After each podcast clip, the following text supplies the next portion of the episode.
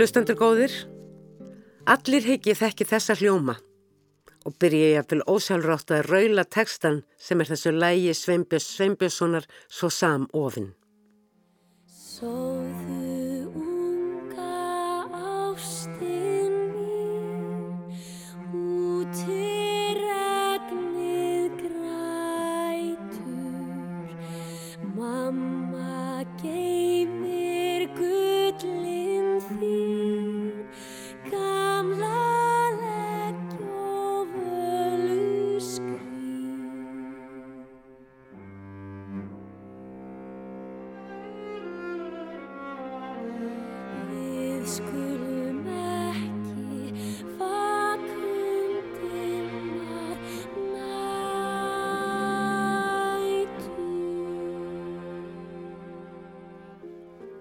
Liklega er ekkert ljóð íslenskra ljóðlistar þekktara en þessi vögguvísa sem Jóhann Sigur Jónsson skáld, ljóða og leiks orti fyrir munn útilegu konunar höllu að syngja með stúlkubarni Tótu í svefn í leikriti Jóhanns um fjallaeyfind. Þetta er einfalt ljóð og bjart og samtímis djúft og svo myrt eins og líf og verk skáldsins sjálfs Jóhanns Sigurjónssonar sem lést 39 ára gammal þann 31. ágúst árið 1919 aðeins sjö árum eftir að fjalla eifundur var í allra fyrsta sinn síndur á Íslandi.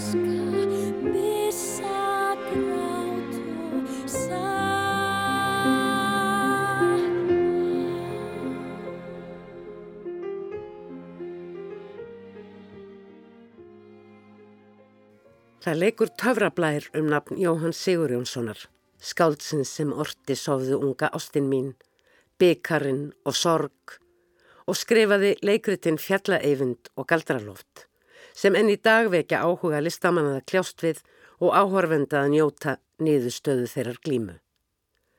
Það sem líklegast þó helst heldur við töfraljómanum um nafnið Jóhann Sigurjónsson er leikur þess lífs sem Jóhann Sigur Jónsson liði og hversu sárt þessa lista og lífsnötnamanns var saknað af vinum sínum og aldáendum þegar hann lést. Hér rittar vinur Jóhanns Árni Pálsson profesor um hann í einræðinni í byrjun árs 1920. Það var ekki langra stundar verk að kynnast Jóhanni, að minnstakost ekki að verða málkunnugur honum. Hann var ekki myrkur í skapi og dró lít dul á fyrirætlanir sínar en þær voru korki fáar nýja smáar. Námsitt ætlaði hann sér að stunda og það gerði hann í upphafi. En framar öllu öðru ætlaði hann sér að verða skáld, stórskáld. Þar að auki hafði hann ímsar merkilegar uppgötanir á prónunum því að auðugur vildan verða, stór auðugur.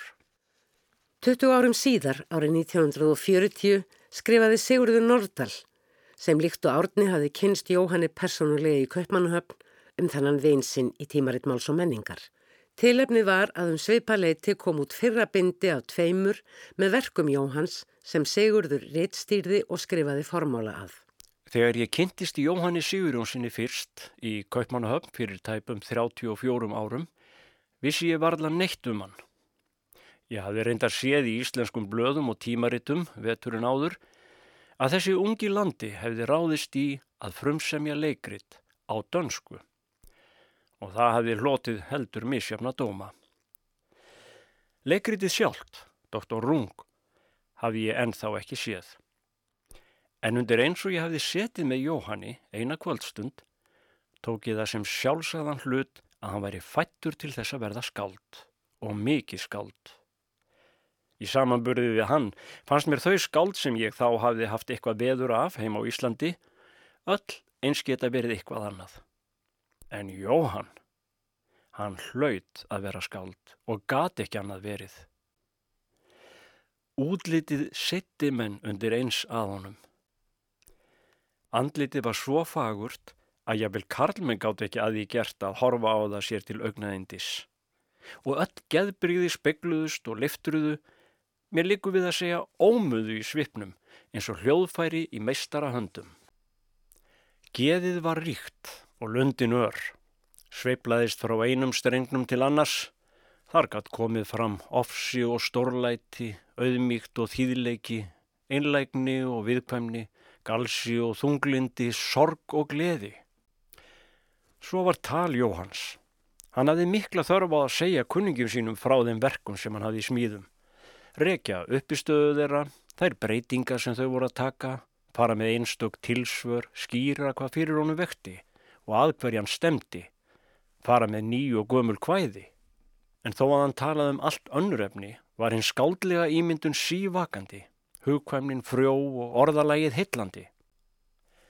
Það var ótrúlega margt sem hann hafði áhuga á og var hrifin af og alltaf var honum mikið í mun að segja svo frá því að aðrir tækju þáttið í með honum. Mér fannst ofta á samistarstundum mínum við Jóhann og þær voru margar allt til sumarsins 1918 er ég sá hann í síðasta sinn að hann væri skáldið. Í skáldæfisögu sinni fjallkirkjan segir Gunnar Gunnarsson skáld frá kynnum sínum á Jóhanni og setur meðal annars í skáldlegan búning fund aðal personusögunar Ugga Greipssonar, þar að segja Gunnars sjálfs, og vinar hans Stefáns Einars Sveinssonar, þar að segja Jóhans. Stefán Einar, Jóhann, segir Ugga, Gunnari, frá áformum sínum í skáldskapnum, en engum þó erðileikunum sem þurfa að takast ávið á þeim vettvangi. Komið þér sælir Uggi Greipsson. Viljið þér koma með mér og fá ölglas? Hafið þér tíma? Ég hef ofurgnægt af tíma. Þá eru þér sannur heillarhólfur. Mikið eiga þér gott sem hafa tíma til einhvers. Tíu mannsaldrar mundu ekki hrökkva handa mér. Það er grátt bolvað að þurfa að drepast. Ég hef hugsað mér að láta sökva mér í sprungu í Grænlandsjökli, frista mig. Já, það fyrir anskotan ekki hjá því að svo tíð komi á endanum að mennirnir finni meðal ódöðuleikans á jörðinni. Viljið þér verða samferða? Mér er fullkomin alvar að svei mér þá. Reyndar er ég sem stendur að brjóta heilanum vél sem gæti tekið við hugsunum hans og hugleiftrum í sama mund og þau fæðast. Þá myndi kannski ekki verða annar eins mikluð hefur af þeim um það bil sem þau komast á pappirinn. já, já, þér hlægið. þér viti náttúrulega ekki að ég á skrásett sérleifi á ymsum uppfundningum. Ég hef fundið upp sérstakka hárnál, riklokk og margt fleira. Ég á aðeins eftir að finna upp henduri og hraðari aðferð til að framleiða skálskap. Það tjóar ekki að sitja lón og dón með pennan í hendinni. Maður verður líka að lifa lífinu. Í þessu stuttabróti úr samtali Gunnars Gunnarssonar og Jóhanns í fjallkirkinu kjarnas svo margt í fari Jóhanns eins og hann byrtist í leikritum sínum og ljóðum, brefum og dagleiri umgengni við vini sína og hér er nefndur enn einn hæfileiki þessa síunga snillings sem einnig var uppfinningamadur. Frækt er tíð Riklokk og átti Gunnar Gunnarsson vist þátti að fullkomna endanlega gerð þess. Þá er minnst á hattprjóna, Án Otts og síðasta ferð Jóhans til gamla landsins áður en hann lagðist banaleguna í Kaupanahöfn sömarði 1919 var til Siglufjörðar. Þeirra erenda að semja við bændur um kaup á jörðum sem líka að höfðavatni. Ætlun Jóhans mun hafa verið að gera þarna fyrirtags hafnarmannvirki svo að þaðan mætti stunda útgerð og byggja upp mikla fiskvinnslu. Í frétt frá Siglufyrði voru 1919 lýsir Jóhann áformum sínum í bladaveitali. Verði sá fyrirhugaði skurður gegnum grandan nægilega treyður mun höfnin jafnast á við einhverjar bestu höfnir í heimi. Skipinn sigla þá inn á lengt stöðuvatn þar sem ekkert breym getur komist að og stormar aðeins af einni átt. Auk þessir landslægi kring vel falli til þess að skapa blómlegt kauptún með túnum og gardrekt í landrýmir nóg og höfnin í sambandi við eistri hluta skagafjörðar þó hún liggi nokkuð úttarlega. Jóhann er samkvæmt frétt þessari nokkuð ánaður með viðtökur bænda og þess fullvis að áform sín eigi eftir að lifta Norðurlandi öllu. Jóhann er líka spurður út í viðtökur á nýjasta leikverki hans, Merði Valgarðsinni eða Legarannum, eins og verkið var kallað á dönsku, og lætur hann sæmilega af því. Aðspurður um leikverki undirbúningi svaraði Jóhann. Frekar tvö leikritin eitt. Annað úr stórbæjarlífi og hitt úr hillingarlandi ævintýra og drauma. Jóhann er á þessum tíma þegar tekin að kenna þess menn sem leiti hann til dauða og samkvæmt brefum sem hann skrifar eiginkonu sinni Íb úr þessari Íslandsferð segist hann finna fyrir nálegð dauðans. Honum er þungt fyrir brjósti og hann spýtir blóði. Hann nær sér þó og gerist góðrar vonar, en svo von reynist skamfinn. Eins og ég segi mér leið heldur betur og ég var vongóður. Hjartað er ekki heldur stert eins og þú veist, en það hefur þó ekki neitað að starfa. En svo ætlaði ég að fá mér bað í morgun Ég var það flónað halda að það myndi hressa mig. En þá var kallt í baðklefanum og lítið vatn í kerinu. Þá fekk ég aftur kast. Barn kom að mér og sótti síslumannin. Hann sendi eftir lækni og ég var hálf meðvitund á laus síðan leiða frá. Mér fannst ég svífa í stórri rólu en það voru armar vinar míns og læknirinn gaf mér digitalis því að nú var augljóst að hjertað var orsökinn. Nú hefur hamingjan verið mér svo góð að láta gullfoss fara hérna innan farra daga og betri ferð get ég ekki fengið. Íb. Ég loka augunum og sé fagra andlitið þitt. Og ég tek hendur þínar og ég horfi djúft, djúft í augu þér. Og ég kissi þig. Og ég er þakklátur fyrir að eiga enn nægan lífsþrótt til að njóta í huganum þessa undursamlega endurskins af því sem ég elska ofar öllu öðru á jörðu. Og þú mynd koma til mín í stóru rólunni og beigja andlitið ofan að mér. Skömmu síðar kemst Jóhann með gullfossi heim til Kaupmannahafnar og kemst undir læknishendur. Hann er helsjúkur en lætur ekki undan fyrir undir morgun þann 31. ágúst árið 1919 eftir nætur langa samræðu við elsku sína og eiginkonu Íb eftir því sem hún segir frá. Kanski mun dánadægrið jafnvel vera 30. ágúst eins og letraði er á leggstein hans í vestre kirkjugarðunum í Kaupanahöfn. Sumarnótt Kyrt er úti, kyrt er inni Kyrðin fylgir návist þinni, sólarlausa sumarnótt. Svefnin þreyttum gleimsku gefur, gull þeim ljær sem ekkert hefur. Fatalausum fatnað vefur, friðar þá sem eigi er rótt. Ber þú mig á brjóstum þínum, verður langt frá sorgum mínum, sólarlausa sumarnótt. Lát mig enga drauma dreyma, draumar í sér vöku geima. Lát mig sorg og gleði gleima, gleima og verða hugarótt. Brotinn úr brefum og öðrum heimildum sem Jóhann Sigur Jónsson skáld let eftir sig og hér heyrðust eru öll tekin úr fantafínum þáttum sem Þóraldur Sigursson leikstjóri gerðum líf og verk Jóhanns fyrir ríkisútverfið árið 1989 og báru þessir þættir teitilinn væri ég aðeins einn af þessum fáu sem jafnframt er teitill eins af ljóðum Jóhanns. Í safnið ríkisútversins má finna fjölda þátta um Jóhann Sigur Jónsson. Einnig hafa ljóð hans verið lesin og sungin í gegnum tíðina og leikrit hans flutt. Í þessum þætti á hundruðustu ártíð þessa eftirminnilega skálds er sótt í þannan fjársjóð en einnig rætt við tvo leikstjóra, Mörtu Nordal og Pálínu Jónsdóttur og skáldið Jón Kalman en Jóhann Sigur Jónsson var fyrsta skáldið sem hann fjall fyrir. Marta Nordal sviðsetti eigin leikgerð á leikverki Jóhanns Fjallaeyvindi með leikhópi sínum aldrei ósteilandi árið 2011 og var verkið skömmu síðar hljóðrita til útvarsflutnings. Pálína Jónsdóttir leikstjóri vinnur hins vegar nú að eigin leikgerð Galdralofts Jóhanns. Þá hefur bók Jóns Viðars Jónssonar leiklistafræðings og fyrrum leiklistastjóru útvarsins Kaktusblómið og nóttin um æfi og skáldskap Jóhanns Sigur Jónssonar veitt ennfrekari insýn í líf og verk Jóhanns sem og bók eiginkonunar Íb Sigur Jónsson heimsókn minningana sem kom út í íslenskri þýðingu árið 1947.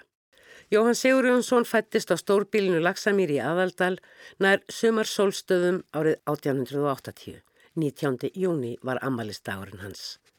Jóhann var yngstur nýju sískina og það má ætlaða að verið líf og fjör á þessu stóra og efnamiklu heimili. Á Laksamýri, bænum þar sem ég fættist, var álega sett á sviði leikrit millir jóla og nýjárs. Eitt bræðra minna var leikstjórin, stundum líka höfundurinn. Eldri sískinni mín og vinnuhjúin voru leikararnir, pappi, mamma við yngri börnin og fólk á næstu bæjum á horfendurnir. Ég var fimm eða sex ára þegar bróðum minn spurði mig dag eitt hvort ég væri til í að gefa sér skelljarnar mínar. Ég vissi ekki hverju svara skildi því að þær var mér sárastum af öllu sem ég átti. Annars getum við ekki leikið, sagðan. Ég fannst hann hátilegur eins og presturinn sjálfur og hann fekk þær allar. Bæði þær rauðu og þær bláu og þær mjattkvítu. Dagurinn leiði í eftirvæntingu. Ég lá á gæjum þegar verið var að æfa, heyrði hræðilega rattir og svaf óvært um nóttina. Loksins kom hið langþráða kvöld.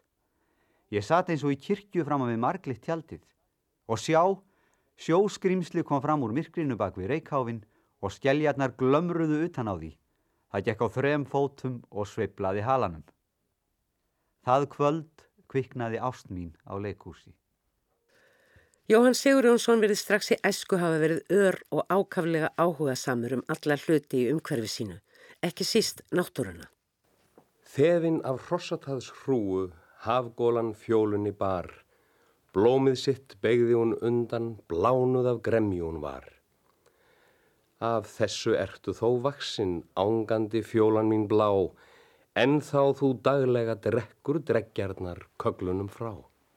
Í lærðaskólanum sínur Jóhann príðilega námshæfileika og 16 ára skrifar hann bróður sínum heim að Laksamýri.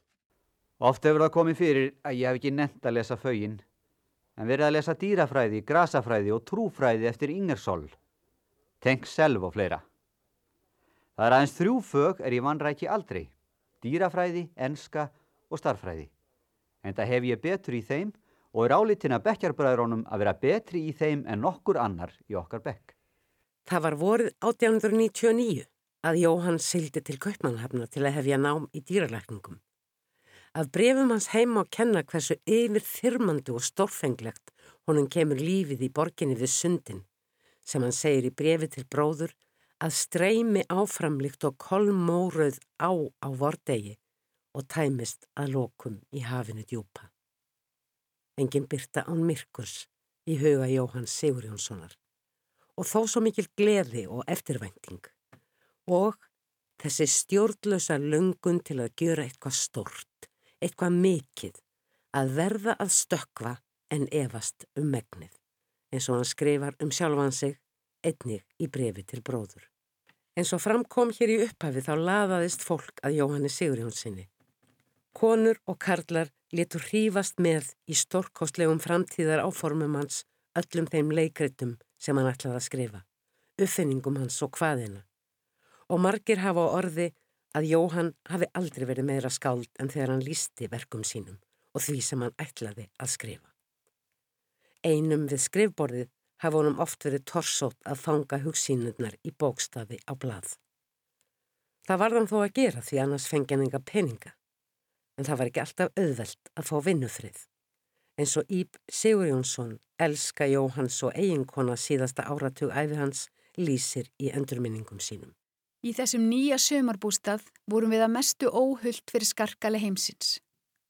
Þegar við bættist þryggja áluna há trekirðing sem við letum reysa, töldum við okkur vera orðin nokkur megin örug fyrir þeim kunningja sæg sem raskaði vinnufriði Jóhans oftar en góðu hófi gengdi. Til frekari varúðar skrifaði Jói með rísastórum bókstöfum og útitinnar Óbáðunir gestir eru beðnir að standa svo stutt við sem undir. Stundum kom fyrir að við opniðum ekki, þótt barið væri. En þá barða til að langstýjir landar tiltu tánni á hliðlokuna og sveibluðu sér yfir grindverkið sem þó var lagt gattavýrs þræði að ofanverðu. Því líkar dugnaðar sálir gátum við ekki fengið af okkur að gera afturreka. En stundum fekk Jóhann líka frið. Enda hefðum við annars ekki leikritinn og ljóðin að gleðjast við enn í dag. Jóhann gatt oft verið svo indislega kirlátur, gekk þá um gólf og dvaldi í sínum eigin hugarheimi, þánga til hann leit allt í einu á mig eins og til að aðgæta hvort ég miskildi ekki þegjandaháttin. Þannig man ég eftir því að einu sinni naman skindilega staðar, greip um höndin á mér og sagði Aldrei hefði ég haldið íb að svona auðvelt væri að vera kvæntur. Ég vissi að þegar svona stóð á, kom hann alltaf til mín þegar hann mátti vera að og sagði mér hvað í huganum bjó. Þá settist hann hjá mér og sagði Sjáðu til íb mín og svo hjælt hann um höndin á mér meðan við rættum málið. Þánga til hann spratt kannski allt í einu fætur, skálmaði fram og aftur um gólfið og leg hlutverk úr leiknum sem hann hafði verið að semja. Þegar Jóhann skömmi fyrir lokapróf saði skili við námsitt í dýraleikningum hætti Sigur Jón fadur hans á Laksamýri að stedja hann fjáraslega og því þurfti Jóhann að vinna sér inn peninga og þeir voru fljóttir að fara.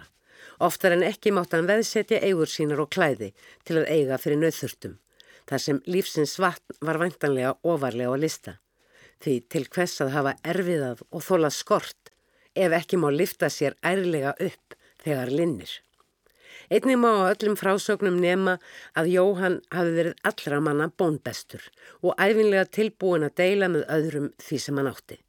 Gunnar Gunnarsson orðar þetta fallega þegar hann segir að fjárdraumar Jóhanns hafi verið fyrirmannlegir í sínu einsta eðli, gerst nettir öllum smáþálarskap. Strax eftir að Jóhann segir skeli við námið í dýralækningum, ákveðin í að helga sig skáldskapnum alfarið, verðist hann vera með nokkur dramatíski árni í eldinum, en hann skortir alltaf fíja og þannig tóm og innbeitingu. Fyrstu verkans, skuggin og bondin á hraunni ná ekki máli sem skildi, en svo er hann skindilega með efni í höndunum sem heldtekur hann og hann verður að geta innbeitt sér. Allt er reynd. Hann skrifar meira að segja Björnsteini Björnsson norska skáldjöfrunum og Íslandsvininum til að fá blessun hans og ekki síður til að fá hann til að styrkja sig fjárhastlega, sem Björnstenni gerir. Ég reyka um í stofunum minni gladur, híminn lifandi. Ég er með brefið þráður í hendinni eins og róðu kross sem rekur alla svipi ístuðuleysisins á brott og ég færi yfir innilegar þakkir mikli mestari. Ef ég ætti hópa hvítum dúfum sem ég geti sendt hvert sem ég vildi, þá myndu þær flögra um stund í dag úti fyrir þar eins og stór snæblóm og síst af öllu myndi hvarla aðiður að það var í þögul þakkargjörð og hamingju ósk frá mér og föðurlandi mínu á amalistegi yðar. Efnið sem Jóhann var þarna með í höndunum mun síðar hafa orðið loka þáttur leikritsins sem hann á endanum sló í gegn með. Fjallaeyvindur eða á dönsku Bergævind og hans hústrú eitt þekktasta verk íslenskra leikbókmenta fyrr og síðar. Fjallaeyfundur var fyrst síndur hjá leikfélagi Reykjavíkur árið 1911. Eftir rómaða síningu leikritsins árið eftir í dagmarleikúsin í Kaupanahöfn barst hróður þess víða. Það var sínt á Norðurlöndunum öllum í Þískalandi, Hollandi, Englandi, Rúslandi og Bandaríkunum og gerð eftir því sænsk kveikmynd árið 1918. Laug þar með sögu fjallaeyvindar á erlendri grundu. Hér heima hefur verkið verið sínt aftur og aftur. Fjallaeyvindur var ein af þremur opnunarsýningum þjóðleikúsins árið 1950 og hefur að minnstakosti þrývegis verið sett á svið hjá leikfélagi Reykjavíkur sem og hjá leikfélagi Akureyrar, auk þess sem það hefur verið tekið upp fyrir útvarp oftar en einu sinni. Síðast var fjallaeyvindur á verkarnaskrá þjóðleikúsins árið 2015. Fjallaeyfundur hefur og reglulega verið síndur hjá áhuga leikfélögum út um allt land. Svo sviðsetning fjallaeyfundar á umliðnum árum sem vakið hefur hvað mesta aðtekli var síning leikhópsins aldrei óstelandi árið 2011. Sýningin var tilhend til tvenra grímuverluna og tekin upp og flutti í útvarsleikursunni sama ár. Marta Nordal leikstýrið þessar uppfærslu og skrifaði leikgerðina sem kernast um ást þeirra höllu og eyvindar, um leið og hún tengdi uppfærslu sína við söguverksins og notaði upptökur af því frá fyrir tíð þar sem hjónin Helgi Skúlason og Helga Backmann fóru með hlutverk Eyvindar og Höllu. Ég man því ég las þetta verk þá hérna varða þetta samband þeirra, þessi ástasaga þetta, þetta og það, það var síðasti þátturinn. Mér fannst þetta svo uh, höfða svo stert tilmanns bara sem mannesku og, og þekkti einhvern veginn þetta. Það var bara þannig, ég las þetta verk og það hefði bara áhrif á mig. Í einmið þriða þætturum þá verður þessi ástar fríhyrningur augljós og svo staðurinn hvað það er, getur verið erfitt að elska og viðhalda ástinni í, í daglegu amstri. Já, ég meina þau fórna náttúrulega öllu fyrir ástina og svo lifur hún ekki af aðstæðuna þannig að, að það breytist í eiginlega andkverfi sína. Þegar við vorum að æfa þetta. Og maður þekkti og við töluðum mikið um það sko. Maður einhvern veginn hefði nánast geta sett þetta sko í stofu heima hjá sér, þetta samtal vegna þess að þetta var svo kunnulegt þetta rosalega átök á millið þessar tvekja manneskuna og ég las það einhver staðar að þetta var líka sko hann, hann skrifaði sko þennan þátt mjög fljótt þessi síðasta þátt. Mm. og, og var hann í sambandi með henni Íb sem var mjög erfitt samband og þú veist mikið ástasamband og það hafi eitthvað, starf lasið að það hefði verið eitthvað svona eitthvað, hann hefði sótt aðeins í það.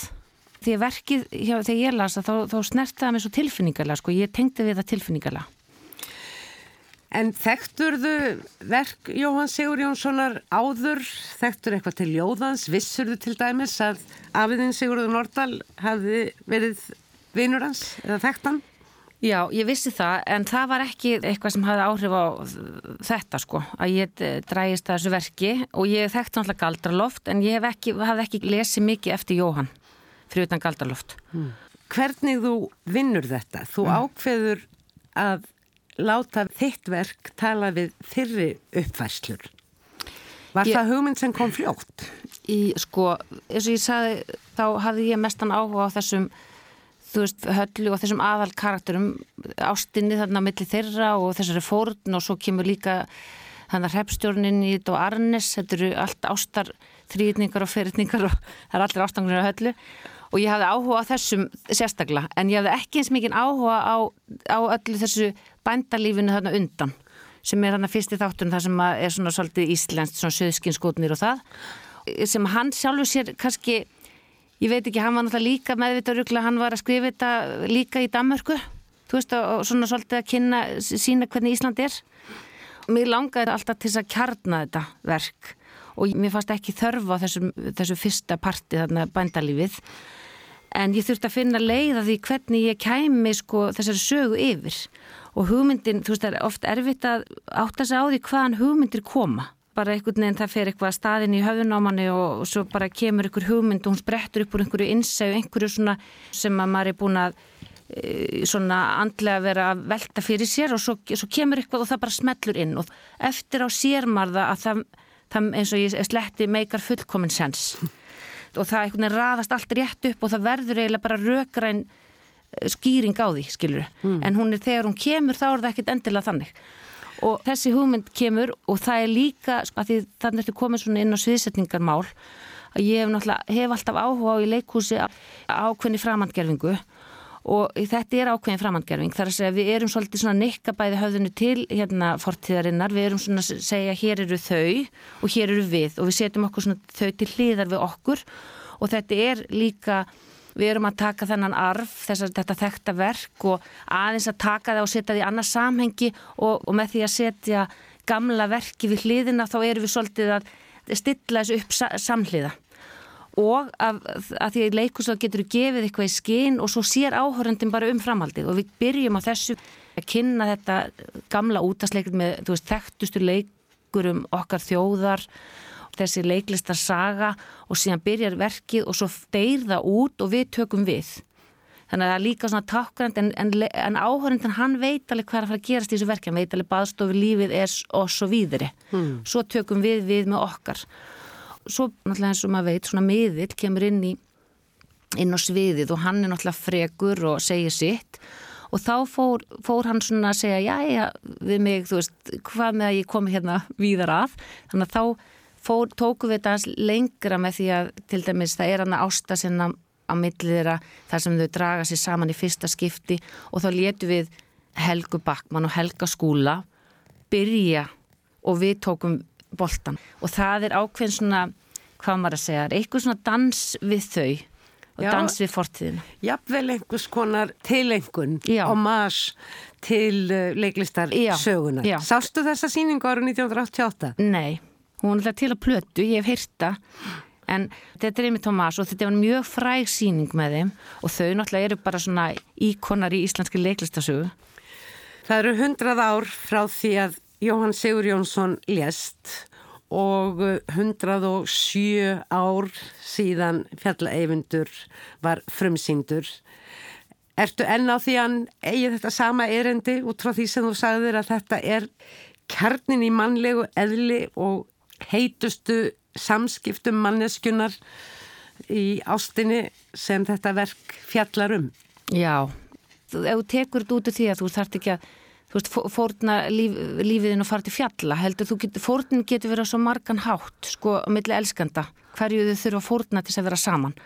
Og svo getur við tekið til miklu starra samengi, en ég held að svona kannski kjarnin að hann fer á svona tilfinningarlega dýft bussi frá hvort þetta var á 19. öld eða hvaða öld sem það var, þá er þessi tilfinningarlega dýft sem talar alltaf til þín sem manneskja. Við erum alltaf að kljást við í leikúsinu þetta ná einhvers konar samhljóm við eigin tilfinningar að finna einhverja svörun og mestu skáldinn og dýfstuð þau fara alltaf þangað og þá, þá skiptir einhver mála á hvað tíma það er.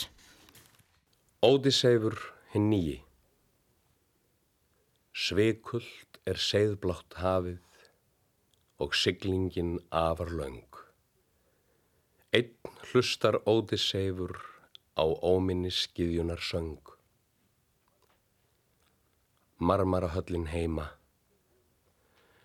Ég húm dökku gluggana sá, mæna eins og andvaka augu, út á hinn dimmjúka sjá. Höllin er löngu hrunin, hásætið orpið sand. Það bar engin kennsl á beinin sem bylgjan skólað á land. Í næsta leikverki sín á eftir fjallaeyfindi, Galdralofti, heldur Jóhann Sigurjónsson út í heim um leið og hann heldur sig við íslenska arfleð. Galdraloftur var næst síðasta verki sem Jóhann Sigurjónsson skreifaði og laukan því árið 1913. Leikritið er byggt á þekktri íslenskri þjóðsögu sem í stuttumáli segir frá skólapilti á hólum sem fæst við kökl. Hann barnar vinnukonu steinunni og ræður henni bana með göldrum, en rýs svo ekki undir görðum sínum og tortimist. En ekki án baráttu, og sjálfum sér til bjargar í örvendingu sinni, allar loftur sér að verða svo vel að sér í göldrum að hann geti leikið á skrattan sjálfan. Verkið er myrt og fjallar um stórar tilfinningar manneskunar, ástina annars vegar og hins vegar óskina um að ná stöðugt lengra.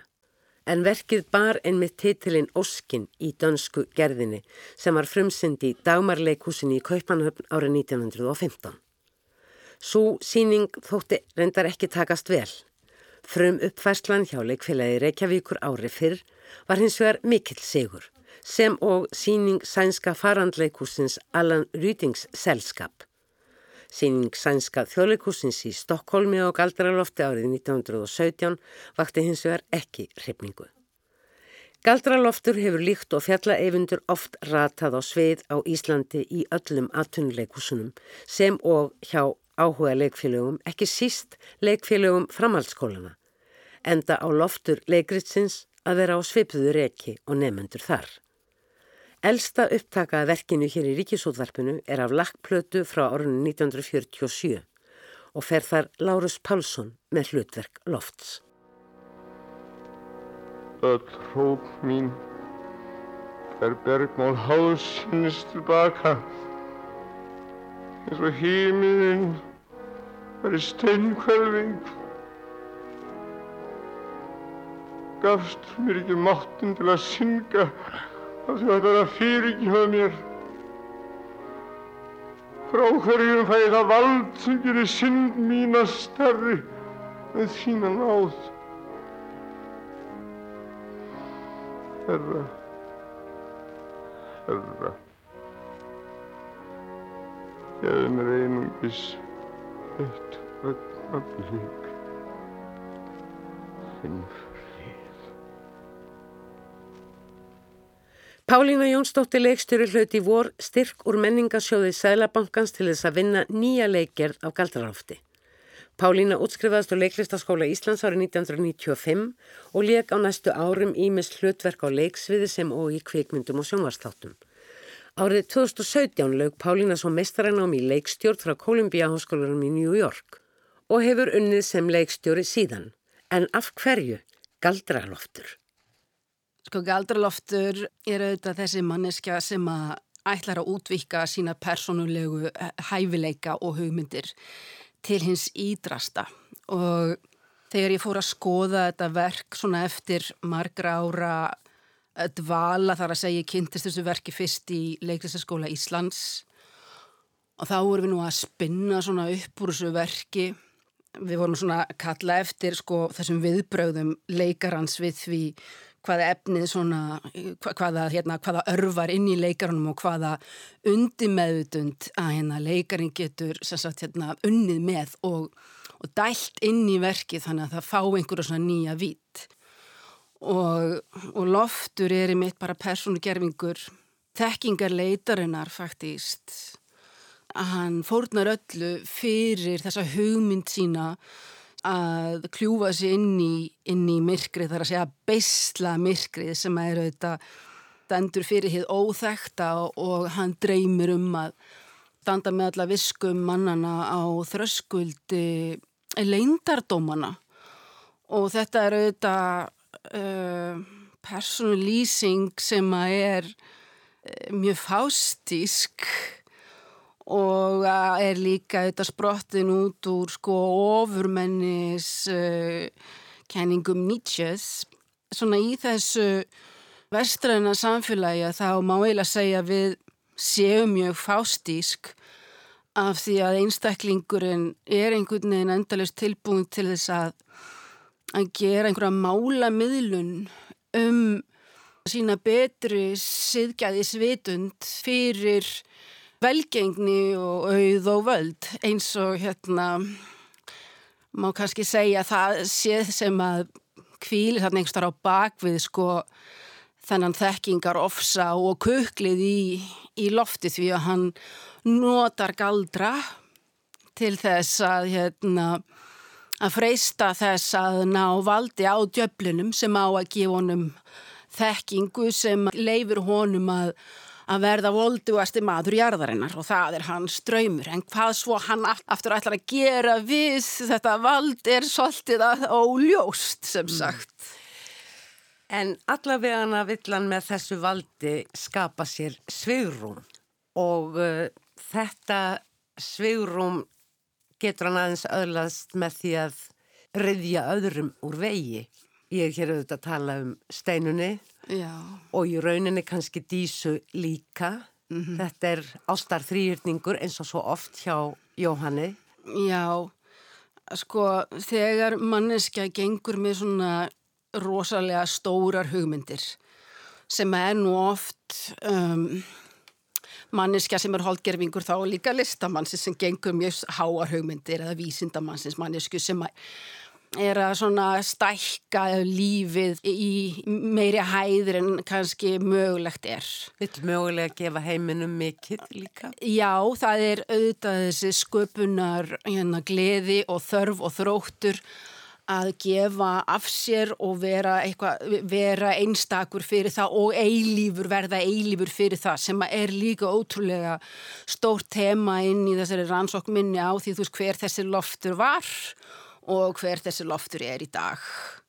En það er auðvitað um, ekki hjá því komist að færa ákveðna fórnir þegar maður ætlar að, að um, sigra heiminn. Þetta er sko persóna steinunar sett upp sem hindrun sem að hann þarf með öllum ráðum að vikja úr vegi.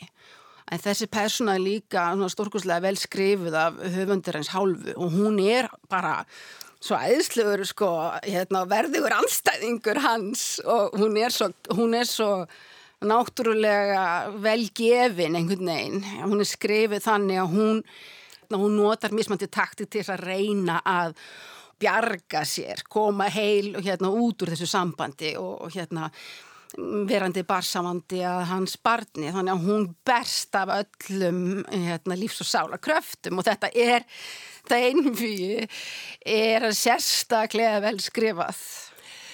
Verkið hétt uppálega Óskin í dansku gerðinni og Óskin felur í sér þessa stóru hættust og þessi miklu átök. Sko óskin er auðvitað þessi, þetta sem fólk ekki hefur, þetta sem maður hefur ekki að langar óbóðslega mikið í.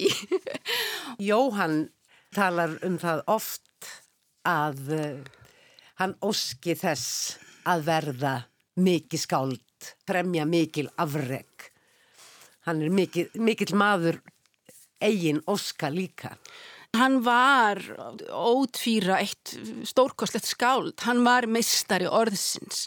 Og lýriskasta verkið eru þetta galdraloftur, það er svona óbúsleg ljóðræna í þessu verki og mikil romantík og, og, og er kannski á einhvern hát mjög lýsandi fyrir bara svona sálar líf Uh, Jóhanns að einhver leiti svo sálrænt völundarhús. Verkið er skrifað sko út frá hennu innra lífi. Þa, það er að leiðandi verður verkið sko, gefur, manni, gefur þannig svona lífræna kraft einhvern veginn sálardjúpsins ef svo morði komast. Er þín gerð mun stittri heldur en Jóhanns? Já, ég stitti þetta verk og er að snýða leikjarð fyrir fjóra leikara. Ég er að búa til svona útráðastari rannsókminni á því hver loftur er og hérna hvort að svari við lífunu sé skáldskapur eða hvort að það er til eitthvað sem er eilíft líf og þá er ég að skoða sagt, hérna, þessa þekkingar ástríðu og, og, og þá í leiðinni sko hvað hérna, gerum við við þessa þekkingu sem við höfum aflað okkur og þær framfarir sem að na, þekkingin hérna, sem hefur sprottið á þeirri þekkingu sem að mannkynni hefur aflað sér. Því við þurfum virkilega að spyrja okkur í dag af því hvort að þessi þekking hún sé nýtt til góðs eða íls og við erum bara eins og sakistanda í bara miðjum náttúru harmleik Vei, vei, yfir henni föllnu borg. Hvar eru þín stræti, þínir törnar og ljósa við indi næturinnar. Eins og kórall í djúpum sæ, varst þú undir bláum himninum, eins og silkja úr drifnu silri, kvildir þú á brjóstum jarðarinnar. Vei, vei, í dimmum brunnum hvæsa eitursnákar og nóttin umkvast yfir þínum rústum. Jóreikur lífsins þyrlast til himna, menn í agtíum, vitstóla konur í gildum kerrum. Geðu mér salt að eta, svo tungan skorpni í mínu munni og minn harmur þagni. Á kvítum hestum hleyftum við upp á bláan heiminbogan og lekum að gildum knöttum. Við hengum í faksi myrkursins þegar það stiftist í gegnum undirdjúpin. Eins og tunglgeislar sváfum við á bylgjum lífsins. Hvar eru þau fjöll sem hrinja yfir mína sorg? Hálsar sem skíla minni nekt með dufti. Í svartnætti eiliðarinnar vakir lífið og grætur.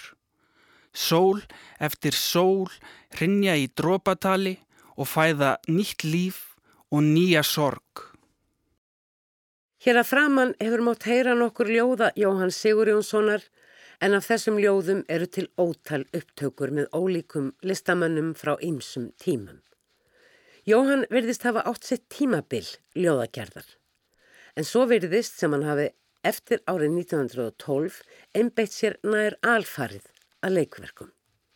Jóhann sendi aldrei frá sér ljóðabók meðan hann livði, en mörg ljóða hans byrtust í tímaritins Íslenska bókmentafélags og í emreiðinni á árunum 1910 og 1911. Jóhann hefur snemma farið að yrkja og á skólaárum sínum í lærðaskólanum byrti hann jafnaðarlega ljóð í hvæðahandritinu Stella Nova sem var gefið út af framtíðarfélaginu eftir því sem segir í bók Jónsviðars Jónssonar. Komin til Kaupanahöfnar 1899 fer Jóhann að yrkja á dönsku, anþess þó að leggja ljóðagerð á íslensku á hillina. Í brefi til Þórðar Svenssonar, aldamóta árið, lýsir hann yfir að nú haldi hann upp á fá orð og mikið efni og að það sé nútímans skálskapur.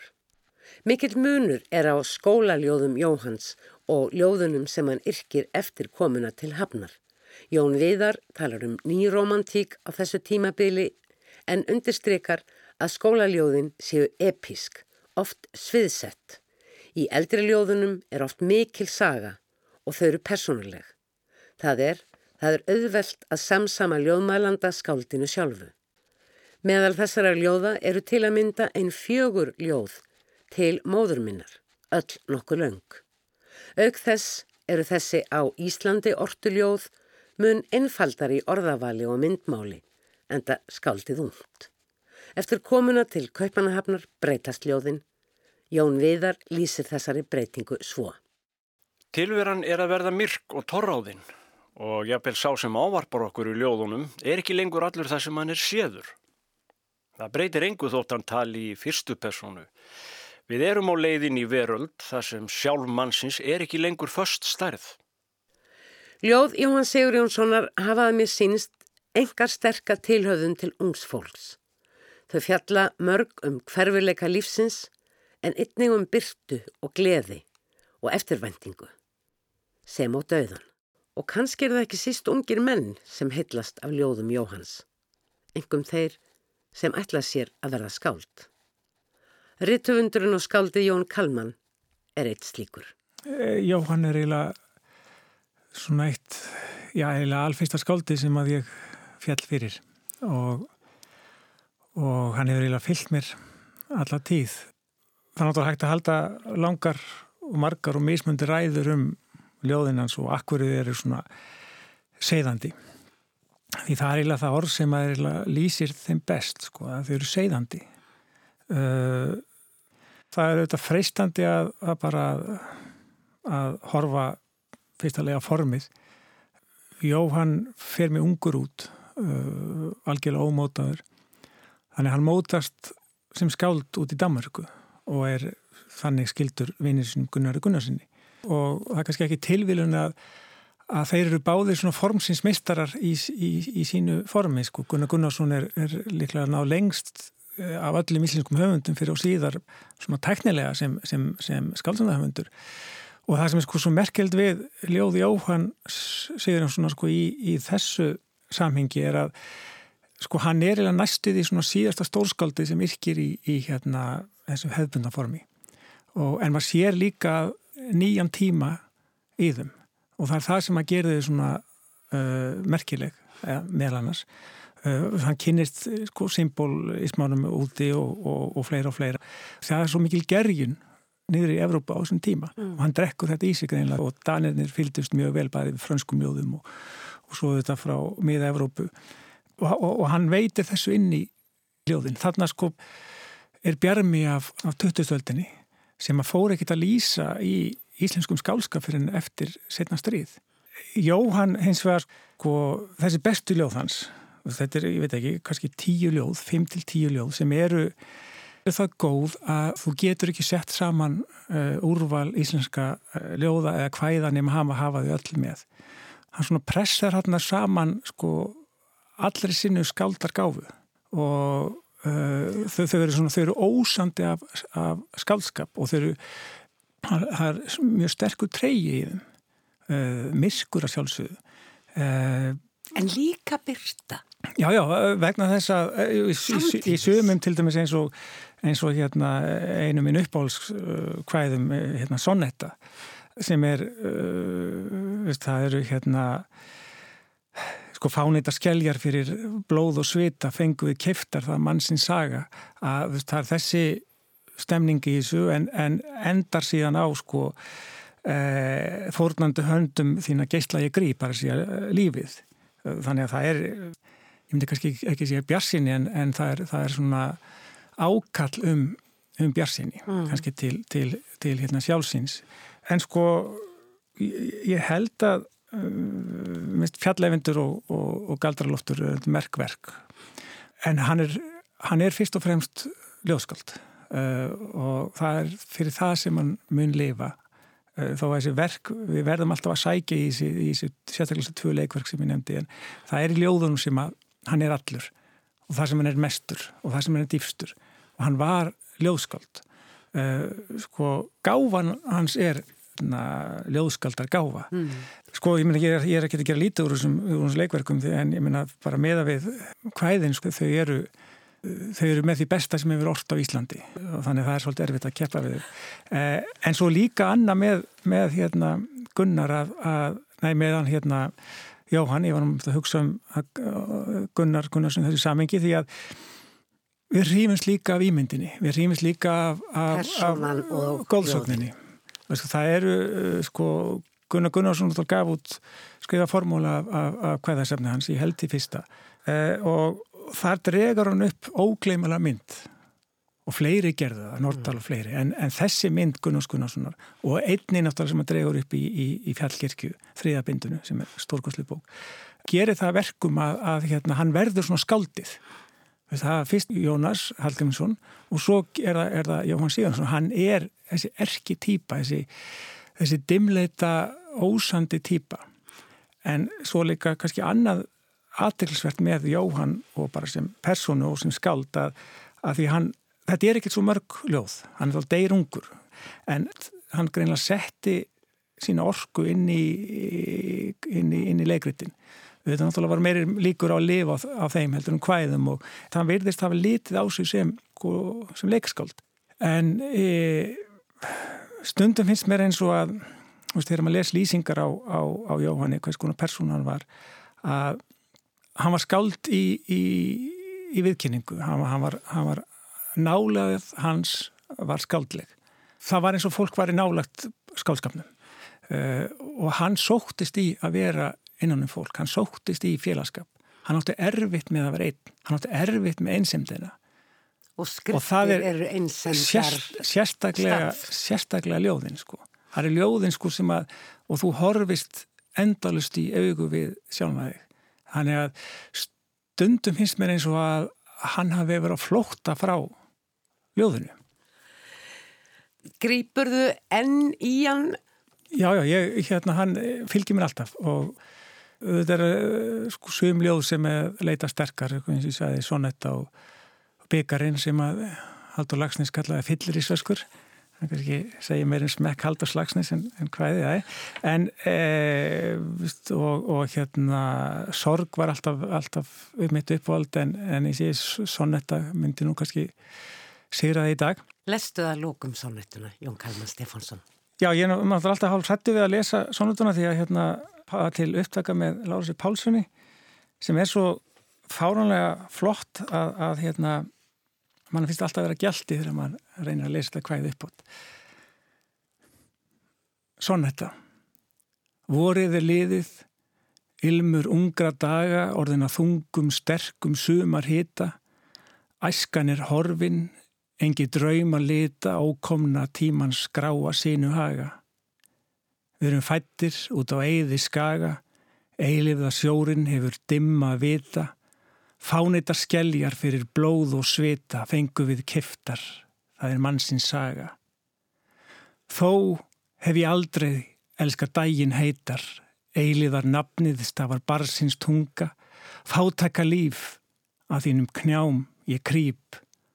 Á þekkur skuggablómi er ljósins leitar, leggurinn veldur naumast eigin þunga, fórnandi höndum þína geysla ég grýp.